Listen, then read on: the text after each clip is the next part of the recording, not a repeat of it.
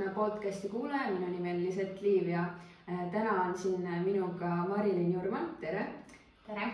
Äh, kes, äh, keda siis ilmselt väga paljud tunnevad väga paljudest erinevatest rollidest, sellepärast et sa oled väga mitmekülgne inimene, nagu ma olen märganud seda natukene sind ikkagi sotsiaalmeediast ka piiludes ja üleüldse varasemalt olles siis näinud sind erinevates rollides nii teles kui ka, kui ka päriselus ja Äh, üks roll, mida ma sinu juures ei teadnud, oli kirjaniku roll.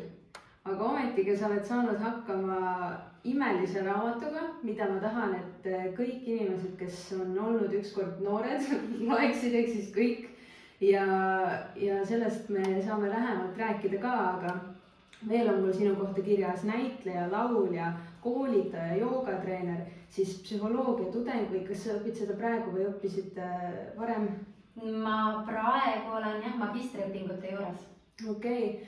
äh,, aga räägi siis meile äh, natukene endast lähemalt, et mis ku,, kuidas need kõik need rollid sinu ühte päeva ära mahuvad, sa oled ju ema ka onju? jah, mul on nelja-aastane tütar äh,.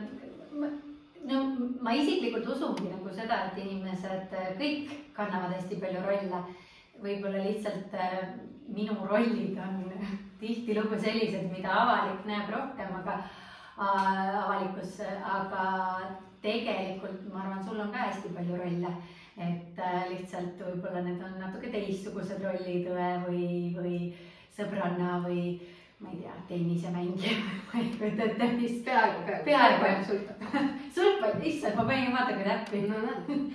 et äh, ma arvan seda, et just nii nagu sa ütlesidki, et need ongi rollid, et äh, ma ei arva, et ma olen otseselt mitmekülgsem inimene kui, kui teised. et need ongi lihtsalt minu mingisugused huvid, mingid asjad, mida ma teen ja tegelikult on nad omavahel äh, seotud selle ühe sõnaga, mida sa juba ütlesid ja see on psühholoogia. et äh, kõik need asjad, mida ma teen, tulevad minu põhihuvist, mis on inimene mm. -hmm. mind huvitavad inimesed, mind on alati huvitanud inimesed. ma olen kirjutanud eluaeg, niikaua kui ma ennast mäletan, kirjutasin ma ilmselt varem, kui, kui ma ühtegi teist nendest asjadest tegin, mida sa ette loetlesid mm. -hmm. oma esimese luuletuse ma mäletan, ma kirjutasin teises klassis ja, ja kirjandeid ja väikeseid lugusid, lavastusi muusikat olen kirjutanud, et need kõik on ka seotud sellega, et ma tahan kogu aeg seda inimese hingeelu kuidagi kas mõista või avardada või ka edasi anda. ja täna, kui ma autoga siia sõitsin, siis ma mõtlesin tükk aega, et ma tahaks ka podcast'i teha, no tegelikult on ju, me kõik tahame podcast'i alati teha. ja ma olen ka seda juba mõelnud alates sellest hetkest, kui see koroona algas ja me kõik koju jäime ja ma ei ole teinud, sest ma ei suuda pealkirja mõelda, on ju hästi keeruline, kõige keerulisem asi, mis alati takistab. ja sõitsin ja sõitsin ja siis ma mõtlesin, et, et minu puhul vist oleks sobilik pealkiri räägime. sellepärast, et ma arvan, et kõige sellisem põhiline asi, mis ma teen, ongi see, et ma olen rääkija. ma räägin, mulle meeldib rääkida, mulle meeldib vestelda, mulle meeldib jutustada. ja see kõik on seotud sellega, et saada inimestest lihtsalt aru mm. -hmm. ja selle pealkirja puhul on ju, sa ütlesid enne sa alustada, kui pealkiri on valmis mõeldud, on ju, sa natukene saime siin enne eetrit äh, jutustada ka, siis ütlesid, et tegelikult samamoodi, et äh, kuigi noh, minul on kirjaniku roll sinu puhul nagu täiesti uus äh, uudis on ju, aga, aga noh, sa oled teinud seda juba enne kui kõiki neid teisi tegevusi on ju, et mul hakkasid päevad on siis selle esikraamatu nimi, ma saan aru, ühtegi teist raamatut ei ole, millest ei, ei. salaja ka ei ole kuskil? ei ole salaja ka, et mul on salaja mõned sellised nagu äh, sarjad ja filmid ja teatrietendused, mida mm -hmm. ma olen sahtlisse kirjutanud. aga, aga sellega tõepoolest oli selline sama lugu, et ma olen seda raamatut kirjutanud äh, ma arvan, noh, niimoodi tõsiseltvõetavalt, et ma võtsin arvuti välja ja, ja avasin mingi faili, et no nii, nüüd ma hakkan raamatut siis lõpuks siia paberile panema mm -hmm. aastal kaks tuhat, ma arvan, viisteist. ja, ja ta nagu kuidagi ei edenenud nii, nagu ma oleks tahtnud, et küll ma proovisin ühe lõiguga, siis vahel oli ühe lausega ja noh, kõiksuguseid variante ma proovisin ja tegin ja ma teadsin ma teadsin enam-vähem, millest ma tahan rääkida ja noh, ilmselgelt see oli mingis mõttes minu enda lugu, mida ma tahtsin rääkida, aga mitte siis kuidas öelda, lineaarselt või sedasi -hmm. et ta oleks nagu reaalselt kirjeldaks minu elusündmusi, aga minu sellist äh, hingeelu siis teismelisena äh, ja noore täiskasvanuna. aga, aga ma ei suutnud alustada kunagi või noh, ma alustasin, aga ei läinud nagu, need tegelased ei hakanud elama mm, -hmm. ütleme niimoodi. ja, ja siis juhtus selline lugu, et äh, et ma sattusin sellisesse noorte mingisugusesse nagu keerisesse draamasituatsiooni kus ma kogemata, mind lisati ühte Messengeri vestlusesse ja ma lugesin pealt seal ühtede poiste siis äh, privaatset teksti, mis äh, oli päris räige, äh, tüdrukute suunas räige mm. -hmm. ja, ja ma hakkasin sellest enda Instagramis rääkima ja mulle hakkasid noored tüdrukud kirjutama ja nad kirjutasid mulle hästi palju enda väga valusaid lugusid selliseid, ähm, mis on neile haiget teinud ja ärakasutamise lugusid ja kiusamise lugusid ja täitsa vägivaldseid lugusid ka mm. -hmm. ja kui ma neid lugesin, siis äh, nad kõik, peaaegu kõik, noh, mul tõesti üle saja, sadu-sadu tüdrukuid kirjutas mulle mm, -hmm. Aga nii paljud lood algasid sedasi, et äh, see ei ole küll väga hull, mis minuga juhtus mm, -hmm. aga ma ikkagi tahaks sulle rääkida. Ja siis nad rääkisid mulle mingi maailma kõige hullema loo üldse. Ja, ja see tekitas minus sellise soovi, et äh, ma tahaks äh, aru saada, et mis toimub või et miks, äh, miks need teismelised ennast niimoodi tunnevad. Noh, nagu ma ütlesin, mind huvitab inimene. Mm -hmm. ja ma tahtsin nii väga sellest aru saada, et ma võtsin enda teismeja päeviku ja ma lihtsalt mõtlesin, ma lihtsalt loen selle otsast lõpuni läbi ja hakkasin otsast lugema, kui ma olin umbes kaheteistaastane, see lõpeb umbes siis, kui ma olen viieteistaastane ja täpselt seal päeviku poole peal Äh, on ühe lehekülje peale suurelt, nii et sinna ei ole mitte midagi muud kirjutatud, trükitähtedega kirjutatud, et äh, täna mul hakkasid päevad, juhei. ja siis äh, ma keeran järgmise lehekülje ja kogu minu kirjastiil muutus. See on nii naljakas, ma loodan, et kui ma kunagi olen noh, juba sihuke vana ätt, et mm -hmm. siis ma võib-olla julgen seda noh, päriselt näidata ka, sest noh, mul on ikka veidike on ju piinlik, sellepärast, mis seal kirjas on aga mu kirjastiil, kõik mu mõtteviis, kõik muutus ööpäevaga. ma ei tee nalja, see oli, see oli nii veider lihtsalt, kuidas enne seda ma olin nagu laps ja peale seda see on nagu mingi, mingi täiesti teine inimene. põhimõtteliselt täitsa sarnane mulle, peaaegu nagu täiskasvanu, aga selline väga emotsionaalne, dramaatiline need asjad, mis siis toimuvad järsku minu elus peale seda, kui mul päevad hakkasid, need kõik on nagu mingisugune filmistsenaarium, ma mõtlesin, et mis juhtus. Noh, loomulikult, mis juhtus, mul hakkasid päevad mm -hmm. ja siis ma kuidagi järsku teadsin, et okei okay,, et äh, see raamat, mida ma olen kirjutanud juba aastaid, et selle nimeks saab Mul hakkasid päevad ja, ja ma istusin maha, kirjutasin selle pealkirja ära ja siis järsku kõik tegelased hakkasid elama. ja, ja siis see lugu lihtsalt kirjutas ennast tegelikult ise valmis et ma ei ole ühtegi raamatut kirjutanud, aga ma olen muid asju kirjutanud ja ikka peab mõtlema, hästi palju peab alati mõtlema, nii on ju, eriti luuletustega mm -hmm. äh, või novellidega ka või selliste nagu lühemate lugudega. aga siis selle raamatuga juhtus selline asi, ma tõesti ei tea, kas kõigil juhtub nii, et jube huvitav oleks teada. et järsku nagu ma ise ka hakkasin üllatuma, mis, mis seal juhtuma hakkas. et ma tõesti kirjutasin, noh, trükkisin onju, mhm. kirjutasin, kirjutasin, kirjutasin ja siis äh, järsku võtsin pausi, mõtlesin, kuidas temaga nüüd selline asi juhtus, miks ta seda tegi. ja see oli nagu äh, kõige ägedam selle raamatu kirjutamise juures, ma arvan, minu jaoks üldse.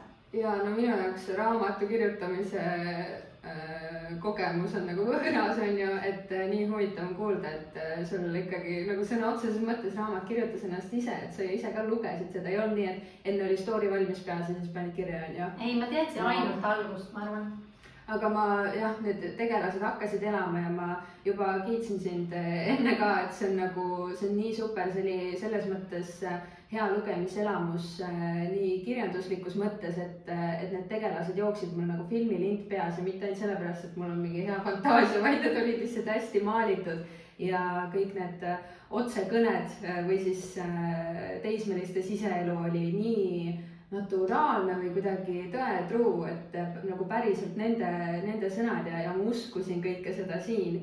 Ja tegelikult nagu sa oled raamatus öelnud ka, et need ei ole kõik äh, selles mõttes äh, sinu päevikust otse võetud, on ju, et need on tüdrukute lood äh, ja, ja võib-olla mõnes mõttes neid natukene muditud ja muudetud, on ju, et aga, aga ja kas, kas see ei on ei loosung siis või liikumine või hashtag, mis sellega kaasas käib see oli siis see algne, kas sul oli see Instagram juba olemas, kuhu tüdrukud siis saatsid sulle story sid või? ja see hashtag tuli tegelikult enne okay., enne raamatut, et ja, mul oli hashtag ei on ei äh, olemas siis peale seda, kui ma sinna sellesse vestlusesse sattusin mm -hmm. ja need tüdrukud mulle hakkasid oma lugusid saatma. mul ei olnud plaani neid lugusid sinna raamatusse kuidagi panna mm, -hmm. et, äh, et see, see kuskil äh, noh ütleme jah, niimoodi, kui ma juba olin alustanud raamatuga, siis ta sedasi sujuvalt hakkas nagu sinnapoole minema mm. -hmm. aga,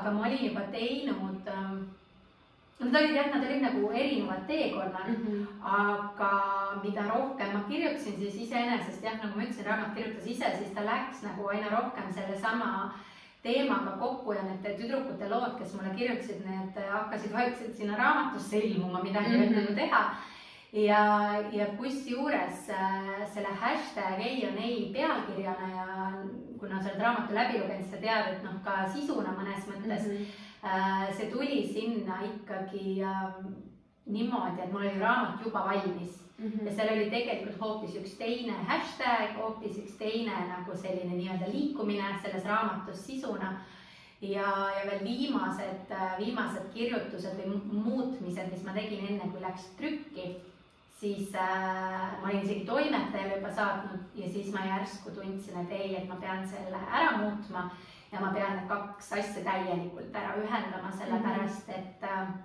et nad lihtsalt käivad kokku.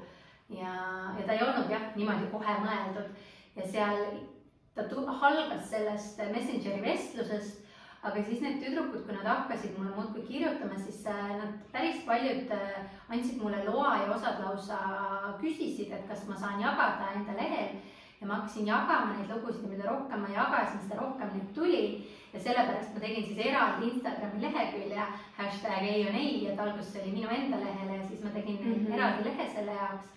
ja neid äh, siiamaani tuleb mul just, vist kaks päeva tagasi üks tüdruk jälle kirjutas ja ma kohati siis kasutan seda ka selleks, et ma nii-öelda, ma ei tea, vabatahtlikuna või kuidas öelda, ma vestlengi seal noortega, et kui nad mhm. kirjutavad, siis ma räägingi nendega lihtsalt seal juttu. ja, ja me arutame mingite asjade üle, mis neil mure, murekohad ja, ja nii edasi ja kust leida abi ja toetust, kes on täitsa hommikusse omadega jooksnud mm. -hmm. ja, ja ma arvan, et sel hetkel kui see sündis, siis ei räägitud nii palju Eestis sellest mm -hmm. meedias. ja kuidagi siis see hakkas aina rohkem ja rohkem seda tulema. ja nüüd mul on küll hästi hea meel, et äh, praegu juba tõsteti seda äh, siis äh, nii-öelda seksuaalvahekorra piiri mm -hmm. alaealisega kuueteist aastale. minu arust see vist jõustus juba esimesel jaanuaril, et enne oli Eestis see neliteist ja ja päris pika tee oleme, oleme tulnud sellest kohast, kus siis äh, võetakse tõsiselt mm -hmm. seda noorte ärakasutamise teemat mul on väga hea meel, et sa oled ka selle, selle liikumise osas sellise nükke andnud, sellepärast et äh, noh, kuna sa räägid, et nii paljud tüdrukud kirjutasid sulle, siis sa ilmselt ei imesta, kui ma ka sulle tagasisidet jagasin, et nagu nii paljudest toredatest, aga ka koledatest hetkedest tundsin mina ennast ära tundsid sõbrannad, kellega ma natukene jagasin seda raamatu sisu, on ju, et, et uskumatu, kui, kui hästi sa oled suutnud need siduda ja, ja muidugi veel uskumatum, et, et kõigiga sellised või noh, mitte ma ei saa öelda kõigiga, aga väga paljudega meist erinevad sarnased lood on juhtunud nagu siin raamatus, et, et siin on, ongi nagu võib-olla kokkuvõtvalt, kui mina kirjeldaksin ongi teemaks nagu see, kuidas noorena võib-olla ei ole enda piirid selged, ei ole teiste piirid selged, mis on normaalne, mis mitte. ja, ja ei ole seda enesekehtestamis võib-olla julgust, et siis äh, nagu kombatakse seda, et, et kui, kui julgesti äh, ei võib öelda, on ju. aga kuidas sinu, sa natukene avasid ka, et, et kui sul seal päevikus siis pealkiri Mul hakkasid päevad avanes, on ju, siis pärast seda olid sa hoopis teist, teistsugune, aga kuidas sa üldiselt muidu kirjeldaksid ennast teismelisena, et kuidas sinu teismelise aeg möödus? no ei saa salata, et väga sarnane ka sellele peategelasele Äh, selle vahega, et mina olen alati olnud äh, no ikkagi sada protsenti ekstravert. Et noh, see peategelane on rohkem selline introvertne mm, -hmm. aga, aga kõik, mis puudutab siis sellist tundeelu, on muidugi mul väga sarnane ja noh, ilmselgelt mu enda noh, enda pealt mõnes mõttes võetud mm. -hmm. et äh, ma olin hästi äh, elav ja, ja sotsiaalne ja hästi sõbralik ja korraldasin kõiki asju väga-väga aktiivne, aga üliemotsionaalne, mis tähendab, et äh, see, mis nagu toimus siis äh, kodus äh, väljaspool neid sõprade silmi, oli mm -hmm. ikkagi üsna mm, noh, enesehävituslik võib vahel öelda.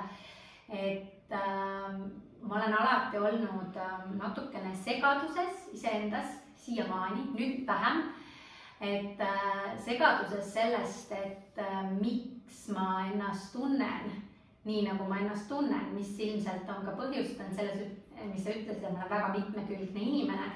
et tegelikult see on lihtsalt see, et ma kogu aeg justkui nagu otsiksin ennast, et kes ma olen või mis ma olen ja selle nagu äh, sütitaja on olnud ilmselt selline teatav sisemine ärevus, mis ähm, mis on väljendunud siis minu puhul tegutsemises, et äh, kuna mul sees on mingi teatud ebakindlus, kas ma meeldin inimestele, kas see, mis ma tegin, oli ikka piisav, kas keegi nüüd on pahane minu peale, mis ma pean tegema selleks, et armastust ära teenida, kõik need küsimused, mis noh, on ka seal raamatus on ju. Mm -hmm et, äh, et selle väljendus on minu jaoks alati olnud lihtsalt selline tohutu tegutsemine, sest kui ma tegutsen, siis ma ju ei saa iseenda tunnetega väga kaua üksi olla, sest et mul on aju täis äh, uusi projekte ja kohustusi.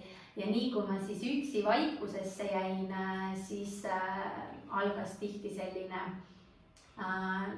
kurvem aeg, aga, aga teismelisest alates nii nagu ma ütlesin, ma olen alati kirjutanud, ma olen päevikut pidanud alates üheksandast eluaastast mm., et, et siis see nagu äh, väljendus loomes, et äh, sellepärast ilmselt ma olengi äh, ma olen Kunstiakadeemias käinud, teatrikunsti lõpetanud, nüüd psühholoogiat õpin, et kogu aeg on olnud selline vajadus luua, et oma sellist segadust ja ja natukene veidrat tundeelu kuidagi väljendada. ja kõik need asjad, mis ma olen teinud, on olnud lihtsalt see, et iseendas selgusele jõuda ja oma tundeelu kuidagi panna enda ajust välja, et ma saaksin seda nii-öelda vaadata mm -hmm. ja mhm. siis äkki ma saan endast paremini aru. ja noh, eks ta ongi aidanud mind selles mõttes, et, ähm, et ma arvan, sellepärast ma olen siin, kus ma olen, et ma olen seda teinud ja, ja noh, see on üldse eraldi huvitav teema, et, et inimesed, kes äh, psühholoogiat niimoodi äh, süvitsi rohkem õpivad, on ju, et kuidas nad iseennast üldse nagu analüüsida saavad või, või suudavad, aga äh, see on nii lahe, et sul on selline võimalus enda nagu siseelu lugeda, sest et minu, mina olen nagu nii vähe kuulnud, et inimestel on üheksandast eluaastast päevik, mida nad on pidanud. kas sa pead praegu ka päevikut? jaa, pean ikka. Äh, noh, praegu ma võiks öelda, et ma selles mõttes kirjutan natukene vähem mm. -hmm see käib mul periooditi paljusti, et äh, mingid hetked ma nagu olen aktiivsem, mingi hetk ma olen vähem aktiivne, aga aga see on üks tehnika, et sa enne ütlesid ka, et ma olen koolitaja, et noh, ma -hmm. koolitan ka tegelikult ju nendel samadel teemadel, et mm -hmm. psühholoogia, jooga teadvel olevad praktikad äh, ja üks praktika, mida ma alati, eriti just teismelistele ütlen ja õpetan ja edasi annan, ongi siis päeviku kirjutamine. Ja kui öeldakse, et, äh, et noh, et kirjuta päevikut, siis paljud lähevad hästi lukku, sellepärast et äh, tekib selline tunne, et ma ei ole ju kirjanik mm -hmm. või et ma ju ei oska kirjutada, et mis ma sinna kirjutan.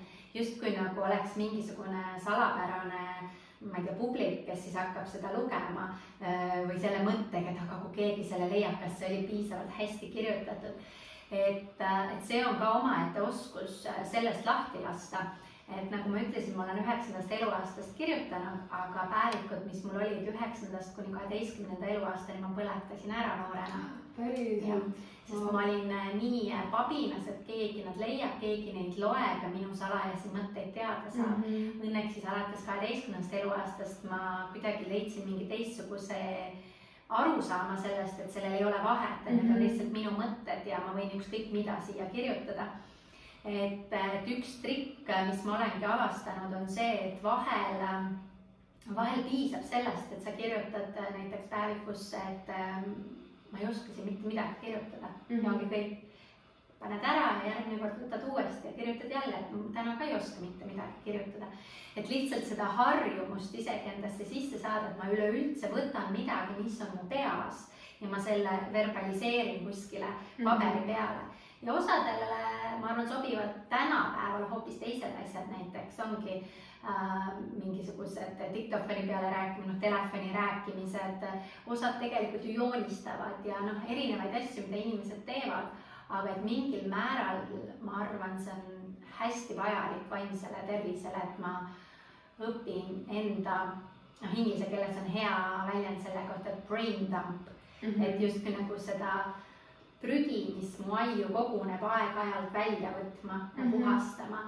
ja, ja päevik on kindlasti jah, selline üks kõige lihtsam vahend, mis äh, lõpuks, ega mina noorena ei lugenud üle, mis ma sinna kirjutasin mm. -hmm. et, ähm, et ta lõpuks jah, aitab pigem nagu just selle koha pealt, et ma saan praegu selle siit peast see on sama point, miks me sõpradega jutustame või miks mm -hmm. meil on vaja mhm. vahepeal kellegagi kokku saada ja lobiseda mm, -hmm. et lihtsalt nagu verbaliseerida seda, mis siia pähe on, on kogunenud ja miks, äh, miks me tihtilugu, ma ei tea, kas sina lähed, aga ma olen avastanud, on ju, inimesed enamasti lähevad väga närvi, kui nad räägivad midagi kellelegi ja siis äh, neile hakatakse lahendusi pakkuma mm. -hmm. ja selle põhjus on ju selles samas, et me tegelikult ei taha lahendusi mm, -hmm. vaid me tahame seda, mis meil ajus on, lihtsalt saada enda suust välja mm, -hmm. sest et see on nagu puhastumine.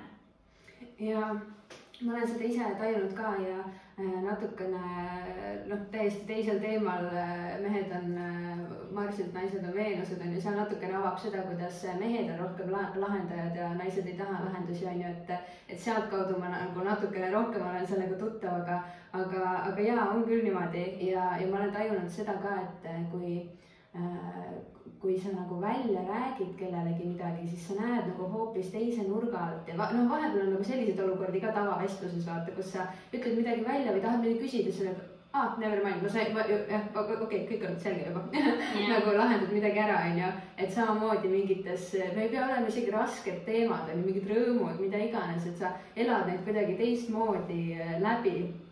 Aga ma tahan kindlasti uurida nende koolituste teemal, sest et äh, jällegi ma, ma ei plaaninud seda teha, aga mul siin äh, huvi, huvi kasvas, onju.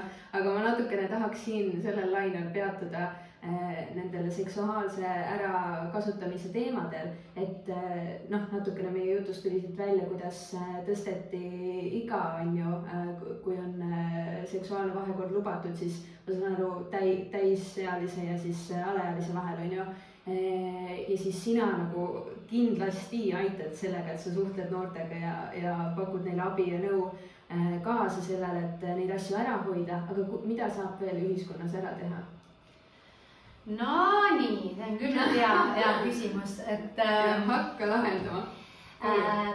Õnneks, õnneks praegu nagu äh, on, sellest hakatud rohkem rääkima, aga nagu ikka kõikide asjadega, et kui nendest hakatakse rohkem rääkima, siis äh, tekib ka rohkem vastupanu mm. -hmm. ja, ja ka seda ma olen märganud, et see vastupanu on äh, hakanud tekkima, et ähm, selline nagu äh, nii-öelda see lumehelbekeste süüdistamine ja nii edasi mm. -hmm. et, et meie ajal oli nii ja, ja tänapäeval on naa ja nii edasi et, äh, et ilmselt põhiline, mida nagu äh, ühiskond nagu üleüldiselt, kui me räägime nendest, kes ühiskonda nagu korraldavad mm, -hmm. saab teha, eks ta ikkagi on suures osas teadvustamine või teavitamine, on ju. Mhm. aga ma arvan, et ähm, üks hästi hea asi, mis Eestis on, on lastemaja. et äh, mis ka on suur muutus, ta on nüüd juba pikemalt loomulikult olnud, aga et enam ei ole seda, et, äh, et kui kellegagi on, äh, alaealisega on midagi siis juhtunud, mm, kas siis vägivaldselt, emotsionaalselt või füüsiliselt et siis ta ei pea jooksma mööda erinevaid asutusi, vaid et on üks kindel asutus, kus ta peab ainult ühe inimesega rääkima ja mm, -hmm. ja kõik asjad tehakse seal ühe korraga mm. -hmm. et, äh, et see on nagu suur muudatus ja seda kindlasti peaks äh, ka teavitama rohkem igale poole, et äh, et esiteks teaksid sellest alaealised ja noored ise, et neil on mhm. see võimalus ja teiseks siis ka see, et kes nagu lähevad kuskile Mm, võtavad selle julguse kokku ja ikkagi nagu lähevad, ma ei tea, politseisse või haiglasse või arsti juurde või kuhu iganes nad siis esimesena saavad abi mhm. pöörduda. et need täiskasvanud inimesed teaksid, mida teha mm, -hmm. et kuhu mhm. pöörduda ja samamoodi, mida mitte teha.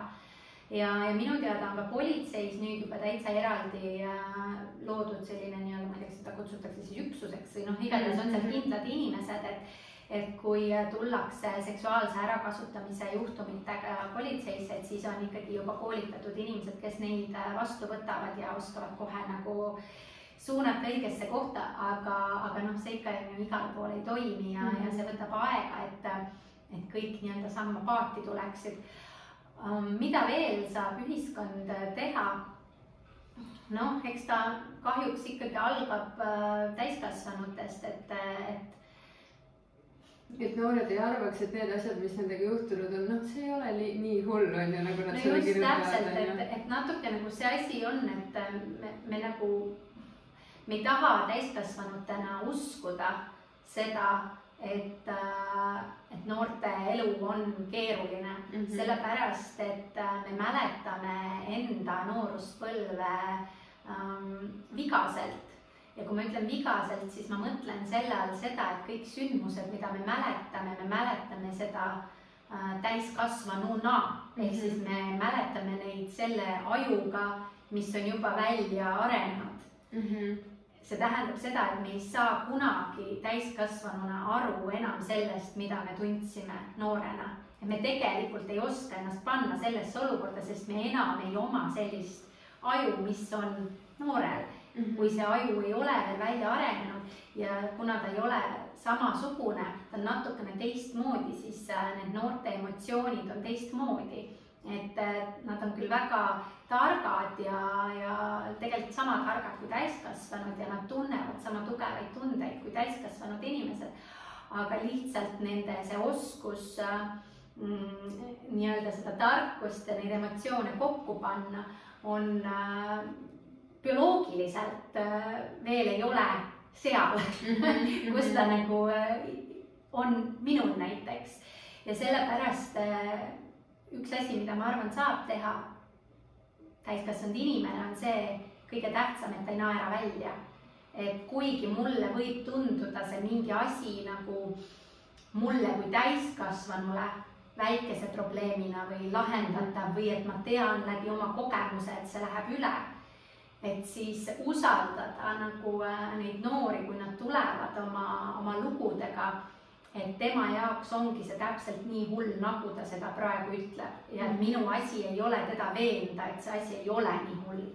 kui see temale tundub nii hull, siis, siis ta tahab tunda, et ma olen siin olemas ja et tal on minu juures turvaline olla, et ta saab minuga jagada oma asju ja kui äh, me nagu täiskasvanutena suudame sellise olukorra luua, kus äh, noored tunnevad, et, et, et neid usaldatakse, siis äh, ma arvan, see esimene asi, mis siis juhtub, ongi see, et nad julgevad lihtsalt tulla varem kellelegi rääkima mm -hmm. oma mõtetest, oma hirmudest, oma ma ei teagi, kokkupõrgetest ja, ja läbi selle me saame ennetada neid nii-öelda hullemaid lugusid, sest kui ma mhm. tüdrukutega olen rääkinud, noorte teismelistega ähm,, siis ikkagi väga palju tuleb nagu seda välja, et, ähm, et nad nagu tegelikult nad, ega nad ei taha kõike seda teha, mis nad nagu ütlevad, et nad tahavad mm -hmm. teha seksuaalselt mm. -hmm. et, et see ikkagi nagu lihtsalt nii tehakse mm, -hmm. on ju, igasugused, ma ei tea, amelemisteod ja nii edasi, lihtsalt nii tehakse. aga aga kui neil oleks see turvaline täiskasvanu, kellega nad saaksid arutleda selle asja üle, sest nagu ma ütlesin, nad tegelikult on sama targad kui mina mm. -hmm. ei ole vahet, kas sa oled viisteist või kakskümmend üheksa. tegelikult mõlemad on võimelised mõtlema sama palju, sama nagu mõistlikult.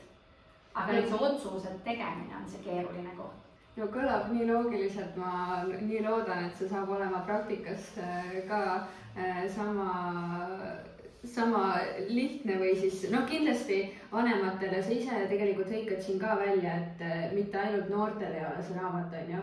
et kui sa täiskasvanuna loed, sul ei pea isegi lapsi olema, aga kui on, siis kindlasti see aitab nagu meenutada seda kooliaega ja kui sul ei olnud see nii kirju, siis äh, võib-olla aitab nagu avardada, et mis kõik võib olla ja mõista seda, seda olukorra tõsisust võib-olla natukene rohkem aga mida, mida...? ma, ma ühe asja tahaks kohe nüüd, kui sa ütlesid veel öelda no., mul niimoodi hakkas kriideldama kohe, et, et äh, see, mis sa praegu lihtsalt ütlesid, see on, äh, ma arvan, kõige tähtsam point ja ma ei ole seda varem mõelnud, aga sa viisid mu ise mõtte sinna mida ühis, ühiskond veel saab teha et tegelikult jaa, ma hõikan seal välja, et täiskasvanud võiksid seda raamatut lugeda, miks ma seda välja hõikan, ei ole üldse sellepärast, et nüüd täiskasvanud midagi tohutult sellest õpiksid mm, -hmm. vaid sellepärast, et täiskasvanul oleks juttu teemasid noore inimesega ja, ja praegu, mis ma mõtlesin, ongi see, et väga palju tehakse selliseid asju, eriti koolides on ju, et täiskasvanud viivad või õpetajad viivad äh, lapsi vaatama mingeid äh,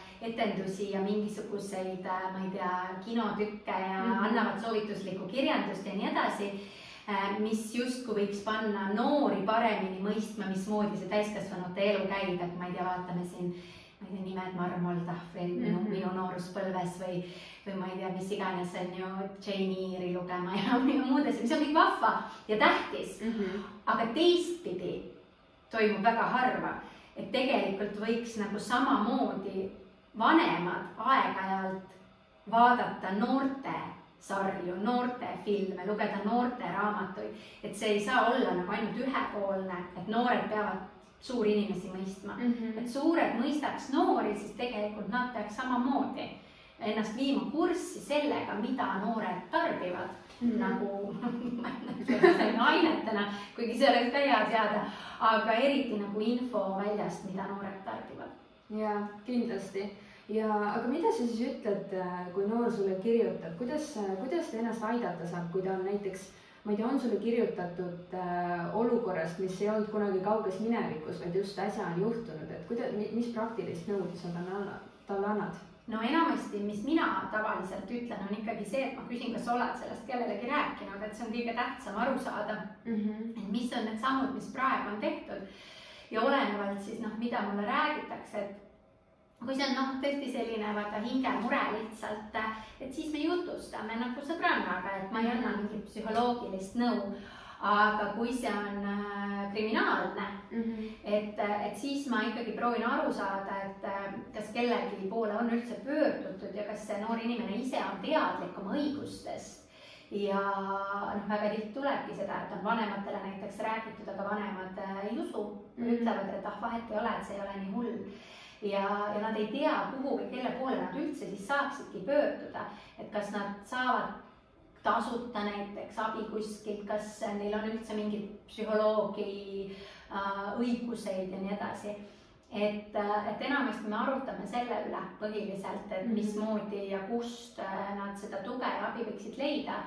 et sellist nagu psühholoogilist nõustamist mina mm, -hmm. mina ei paku küll aga ma jah, räägin juttu või olen, olen olemas selleks, et lihtsalt jah, avada neid noori, et äh, sest mida mulle siis on tegelikult politseist öeldud, et ma olen ka politseiga nendel teemadel rääkinud ja mul on kontaktid olemas, et et juhul, kui on midagi noh, reaalselt kriminaalset, et siis ma saaksin nagu kontakti võtta, aga selleks mul peab ka on ju noore inimese luba ja kõik asjad olema olemas, et selle jaoks me peame enne ikkagi rääkima, et noor inimene ise ka saab, jõuab sellesse kohta, et ta on valmis selleks, et, et, et midagi ette võtta.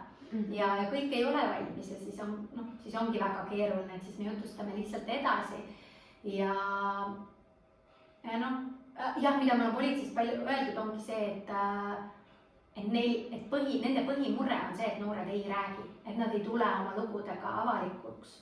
ja, ja see on võib-olla siis see, mida tahaks muuta.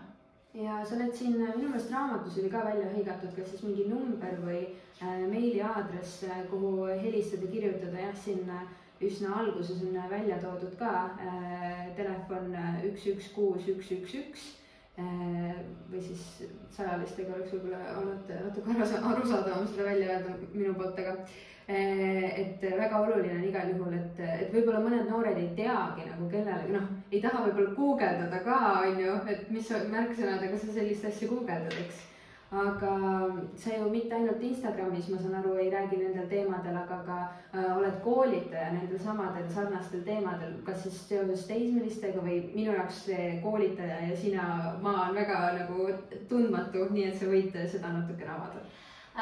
Jah äh,, ma koolitan erinevatel teemadel äh,. ma põhi, põhi nii-öelda selline valdkond ja koolitus, mida ma teen, on ikkagi jooga mm, -hmm. et ma õpetan joogaõpetajaid ehk siis ma teen joogaõpetajate koolitusi.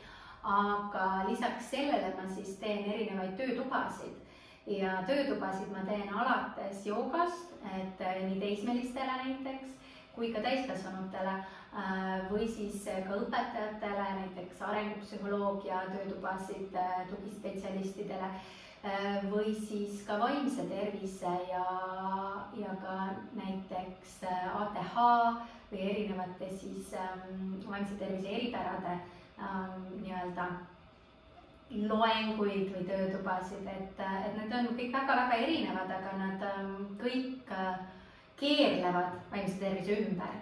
Et äh, seksuaalsest ärakasutamisest on noh, keeruline on ju koolitada. Aga ma räägin sellest, et, et miks on tähtis äh,, miks teema üldse on tähtis. Ja, ja see ja sellest äh,, mismoodi siis äh,,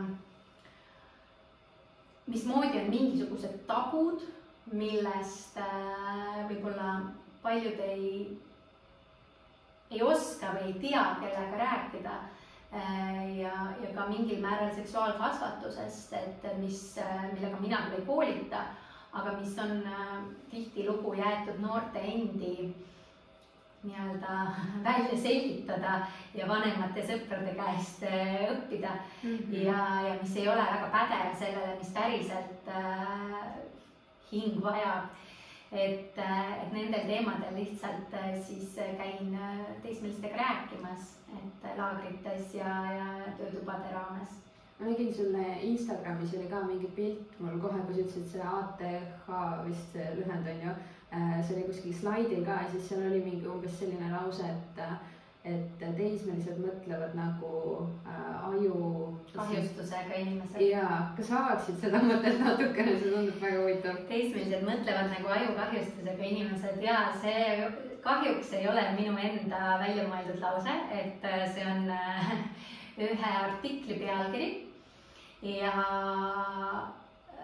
või nii-öelda uurimuse pealkiri siis, ähm, kus räägitakse teismelise aju eripäradest ja see on üks selline koolitus, mida ma tõepoolest teen.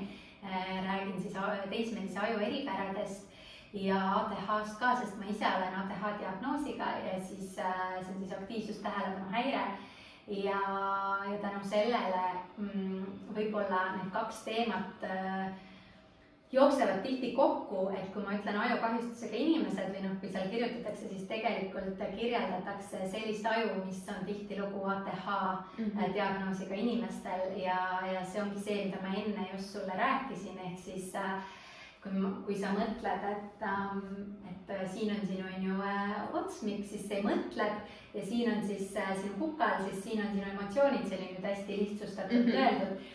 Et siis äh, terve aju, terve täiskasvanud inimese aju nagu siin vahel on selline nagu kirjavahetussüsteem, et kui me midagi tunneme, et siis, äh, siis need tunded äh, võtavad siin nende otsustega ühendust või kui me midagi otsustame, et siis need otsused võtavad nende tunnetega ühendust ja nad teevad omavahel koostööd.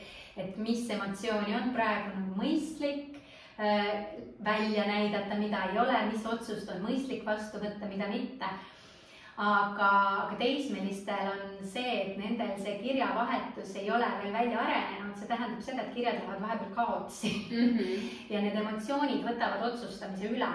ja, ja see põhjus ongi lihtsalt tegelikult selles ühenduses, mitte otseselt selles, et, et ajus oleks mingisugune ajukahjustus ja ATH-l on natukene see sarnane lugu, noh, ma räägin, et see ei ole nüüd teaduslik tekst, et see on hästi lihtsustatult öeldud mm, -hmm. aga et ATH-l on ka seesama lugu, et äh, tihtilugu need otsused võetakse vastu siis emotsiooni või motivatsiooni põhiselt. et äh, ma küll tean, et ma pean midagi tegema, aga kui see mind ei motiveeri, et siis ma ei suuda seda teha. ja, ja see ajukahjustuse teema tulebki seal siis nii-öelda mängu et, et on uuritud inimesi juba läbi ajaloo, on ju, kellel on olnud näiteks mingisugune ajukahjustus, et on saanud vigastuse siia kuskile näiteks siia otsmikusagarasse mm -hmm. ja, ja tundub, et no nii, et nüüd nagu on, ongi kõik, siis tegelikult inimene elab täitsa normaalselt edasi ja kõik on nagu polekski midagi juhtunud, lihtsalt väike nagu arm siin peas aga näiteks tema iseloom muutub täielikult ja mhm. enamasti, kuidas siis see iseloom muutub, ongi see, et nad muutuvad tavaliselt ebaratsionaalseks, hästi emotsionaalseks, kiiresti ärrituvaks, selliseks tusaseks, pahuraks. ja, ja mis on jälle väga sarnane, on ju, sellisele üliemotsionaalsele teismelisele, et, et see on siis see aju, ajukahjustuse nii-öelda äh, eripära ja miks ma sellest niimoodi räägin või miks mulle nagu meeldib endale see lause. et kui ma ka teismelis, teismelistega suhtlen või noh, käin nii-öelda neile loenguid andmas vahel, et siis üks asi, mida ma neile alati ütlen, on või ma küsin nende käest, et mis te arvate, et miks ma teile seda räägin ja siis nad vastavad mulle, et, et noh, erinevad vastused on ju, et et me nii ei teeks või et me sellest õpiksime, et me oskaksime paremini ja nii edasi, sellised mm -hmm. vastused ja siis ma alati ütlen neile, et äh, vale vastus. ma räägin teile tegelikult seda sellepärast, et te saaksite aru, et see ei ole teie süü mm. -hmm. et see on paratamatus, te ei saagi paremini teha, te ei saagi teistmoodi teha. no vaata, kui huvitav, et kohe tulevad sellised eeldused, et äh, noh, nagu õpetused vaata, et mm, -hmm. uskumatu okei okay,, no ma saan väga hästi aru, miks sa koolitaja oled, ma sain äh, kõigest aru, mis sa praegu rääkisid äh, ja suutsin kohal olla. kuule, aga äh, joogatreener, kas sa oled selles mõttes kogu selle vaimse teema kõrval kogu aeg olnud sellises füüsilises mõttes ka käinud trennides ja tegelenud ka siis jooga või millegi muuga või?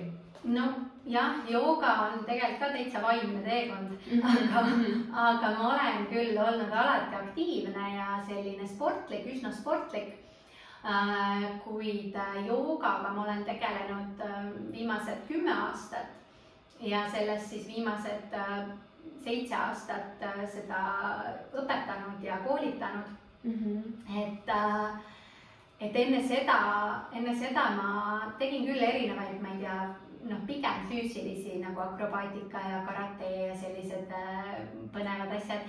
aga, aga jooga, ma läksin sinna füüsilise pärast, aga nüüd sellest on ikkagi saanud täitsa vaimne praktika minu jaoks, et no,. nii ilusasti öeldud et äh, et praegu noh, jooga ei tähenda minu jaoks kindlasti mitte trenni, vaid pigem sellist nagu mõtteviisi ja elustiili ja, ja ka seda, et, et aeg-ajalt tulebki aru saada, et, et mul on paha tuju ja ma ei saa praegu rõõmus olla ja ma ei suuda praegu hästi zen olla ja mhm. mediteerida mm. -hmm. et tegelikult on see ka osa joogast, et sellest aru saada, et me kõik kogeme erinevaid emotsioone ja mm, -hmm. ja nad kõik on võrdväärselt okeid ja väga huvitav, sellepärast et noh, see oleneb muidugi ka, keda jälgida ja lugeda, aga et, et vahepeal eh, tundub, et joogaga, joogaga saab selle elurõõmu ja selle igavese rahu kätte, aga tegelikult ju märkad just neid emotsioone, mis sul seal seda tehes on ja on rohkem aega nendele tähelepanu vist pöörata. ja kahjuks küll jah, ma, ma alati naerangi, et selle elurõõmu ja noh, elurõõmu küll, aga selle igavese rahu saab mm -hmm. kätte ainult äh, kloostris. Et, äh, et selleks, et, et ma suudaksin iga päev zen olla, ma räägin alati ainult iseendast, on ju, võib-olla kellelgi teisel on teistmoodi äh, selleks ma peaksin ära võtma kogu selle keskkonna mm. -hmm. aga niikaua, kuni mul ikkagi on Ukrainas sõda ja, ja üle maailma pandeemia, noh, ma võin nagu sinna zen olekusse minna, aga noh, ilmselgelt ma ei, noh, kui ma seal kogu aeg oleks, ma peaksin hakkama endale mingisugust äh, no mingit uut maailma looma ja paljud seda teevadki äh,. nii-öelda, ma ei tea, lähevad kuskile järgmisse dimensiooni. aga mina ei äh, usu, et minu elu ülesanne on äh, Eh, iseendana leida mingisugune tohutu nirvana ja, ja täielik rahulolu ja hõljuda minema. Ma arvan, et minu, ma ise tunnen, et minu ülesanne on ikkagi siin maa peal elada ja, ja pigem nagu ähm, oma kogemuste ja oma tugevusega ähm, olla see see keegi, kes siis äh, omab mingit häält, et mul on nagu mingi hääl antud.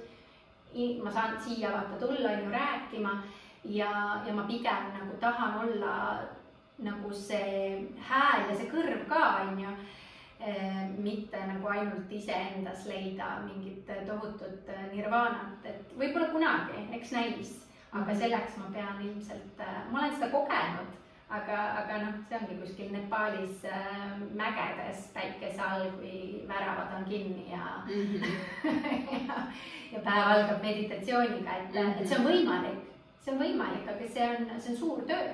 See on suur töö, et ma iga päev ärkan üles kell kuus hommikul, teen joogapraktika, söön väga tervislikult, hoidun igasugustest äh, pahedest äh, äh noh, mingil määral täielikult mõtteviisi ümber murda ja nagu sa väga ilusasti ise ütlesid, et et kui ma hakkan joogaga tegelema, siis alguses ma tegelikult hakkan rohkem märkama.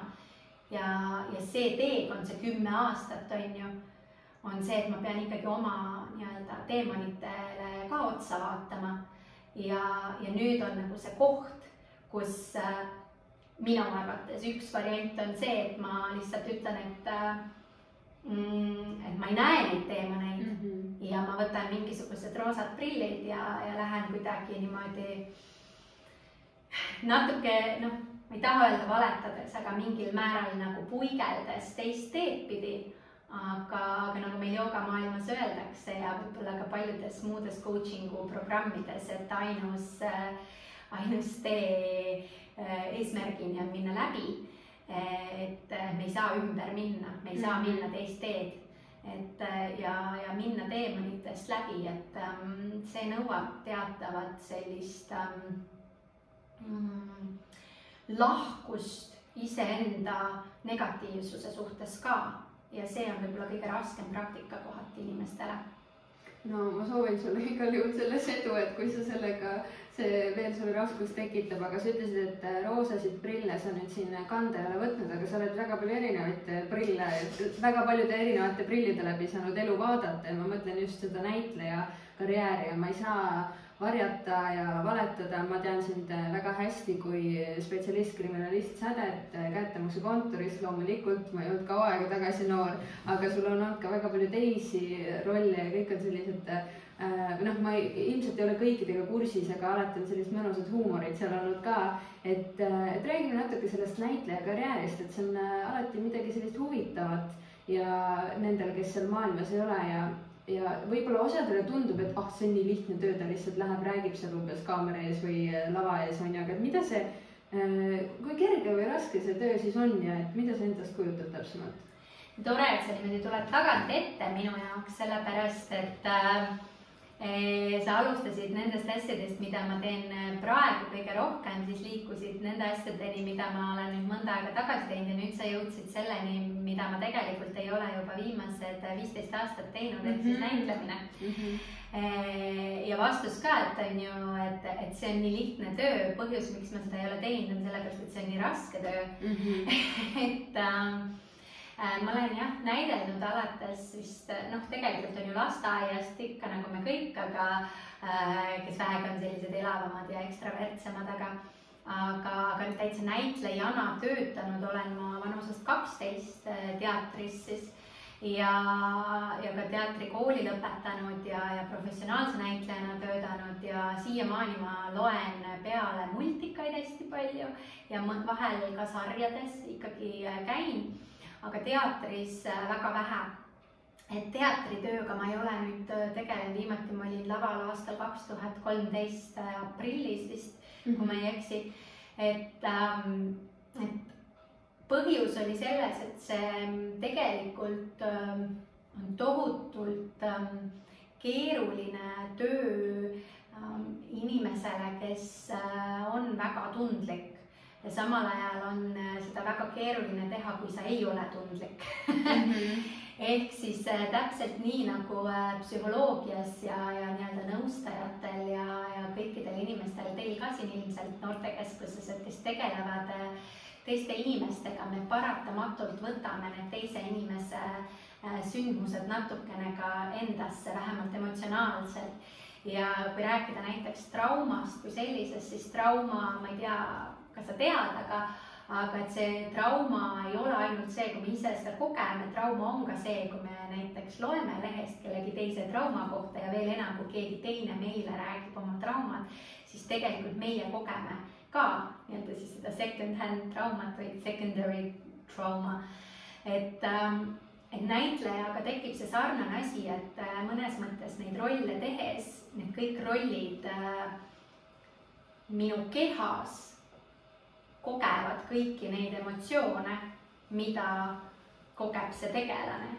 ja, ja lõppkokkuvõttes äh, see võime äh, iseennast äh, nii-öelda üles leida või ära kaotada on päris, päris huvitav.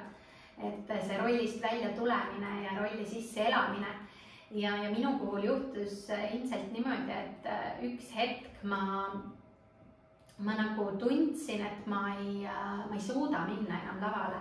ühelt poolt ma tundsin, et ma lähen hästi-hästi ärevaks, et ma nagu käed kogu aeg värisevad ja mul on hästi kuidagi, hakkab nii kehva, et ma nii väga muretsen äh, kuidagi ma tegelikult ei teadnud isegi, mille pärast ma muretsen, ma lihtsalt tundsin, et see, see ärevus, see füüsiline tunne, ma, arvan, kõik on seda kogenud, et kui nad kuskil lähevad esinema, siis need lirikad on ju, mis kõhtu tulevad et, et see nagu muutus nii ebameeldivaks, et see laval olemine enam ei, ei kaalunud üle.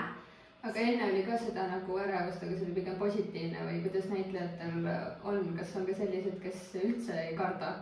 ma arvan, et selliseid ei ole või vähemalt ei ole nad väga kaugele jõudnud, et enamasti ikkagi need, kes, kes äh, on head näitlejad või noh, mitte head, aga vähemalt eh, sellised tegevnäitlejad, ega see mhm. lavaärevus ikkagi ei lähe ära mm. -hmm. oleneb muidugi ka rollist ja, ja sellest, ma ei tea, rolli kaalust mõnes mõttes. aga, aga ma arvan, see lavaärevus, ta, ta ei lähe mitte kuhugi.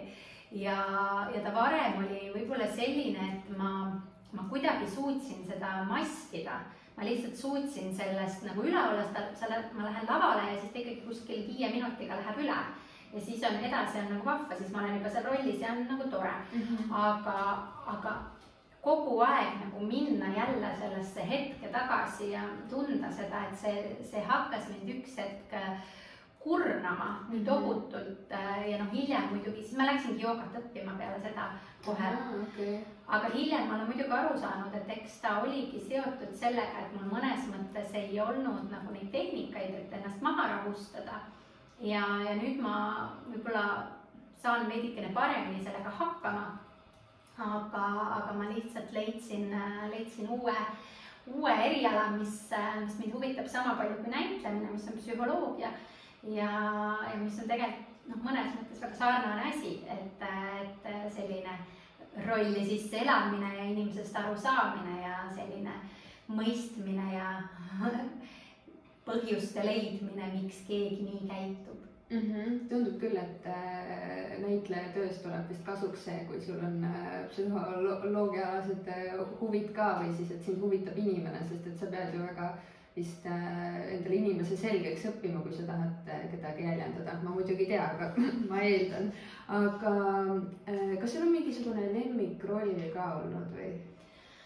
No eks see Sonja säde mulle ikka väga meeldis ja, ja seda ma rõõmuga tegin ja, ja noh, nende telesarjade ja filmidega on natukene teistmoodi, et sellega mul on seda lavaärevust äh, ilmselgelt vähem, sest lava ei ole, on kaamerad ja see ei ole ka otse-eeter, et kõige mm -hmm keerulisem mul ongi selliste asjadega, mis on nagu nüüd, siin ja praegu, et praegu me ka lindistame, aga oleks see nagu otse-eeter, et see läheb kohe kuskile eetrisse, et siis mul mhm. oleks hoopis teistsugused emotsioonid aga teatrirollidest, ähm, see on niisugune keeruline küsimus, seda küsitakse tihtilugu, aga see vastus ilmselt äh, on seotud nagu sellesama asjaga, mis ma enne ütlesin, et kuna ma nagu elan ju kõikidesse nendesse rollidesse sisse selles mõttes, et äh, ma saan nendeks või nemad saavad minuks sel hetkel, siis on keeruline öelda, et, et keegi on nüüd nagu äh, äh, nagu rohkem lemmikroll või vähem lemmikroll, et Sonja säde oli lihtsalt väga lõbus ja see meeskond oli nii tore ja on nii tore siiamaani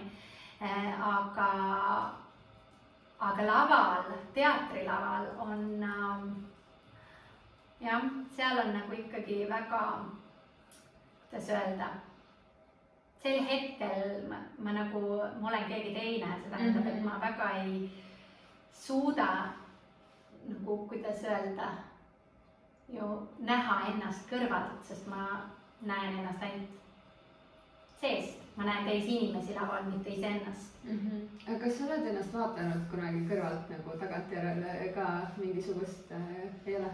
mitte eriti ei mm, -hmm. väga harva, mõnikord, mõnikord ma vaatan, äh, pigem kui ma olen kuskil kas laulnud või mingisugune mm -hmm. nagu muusikaline asi, et siis ma vaatan järgi lihtsalt äh, nii-öelda hariduslikel eesmärkidel, et teinekord paremini teha aga, aga teatri asju ja, ja ka saar, nagu telesarju ka vahel ja filme ka võin vaadata ja multikaid.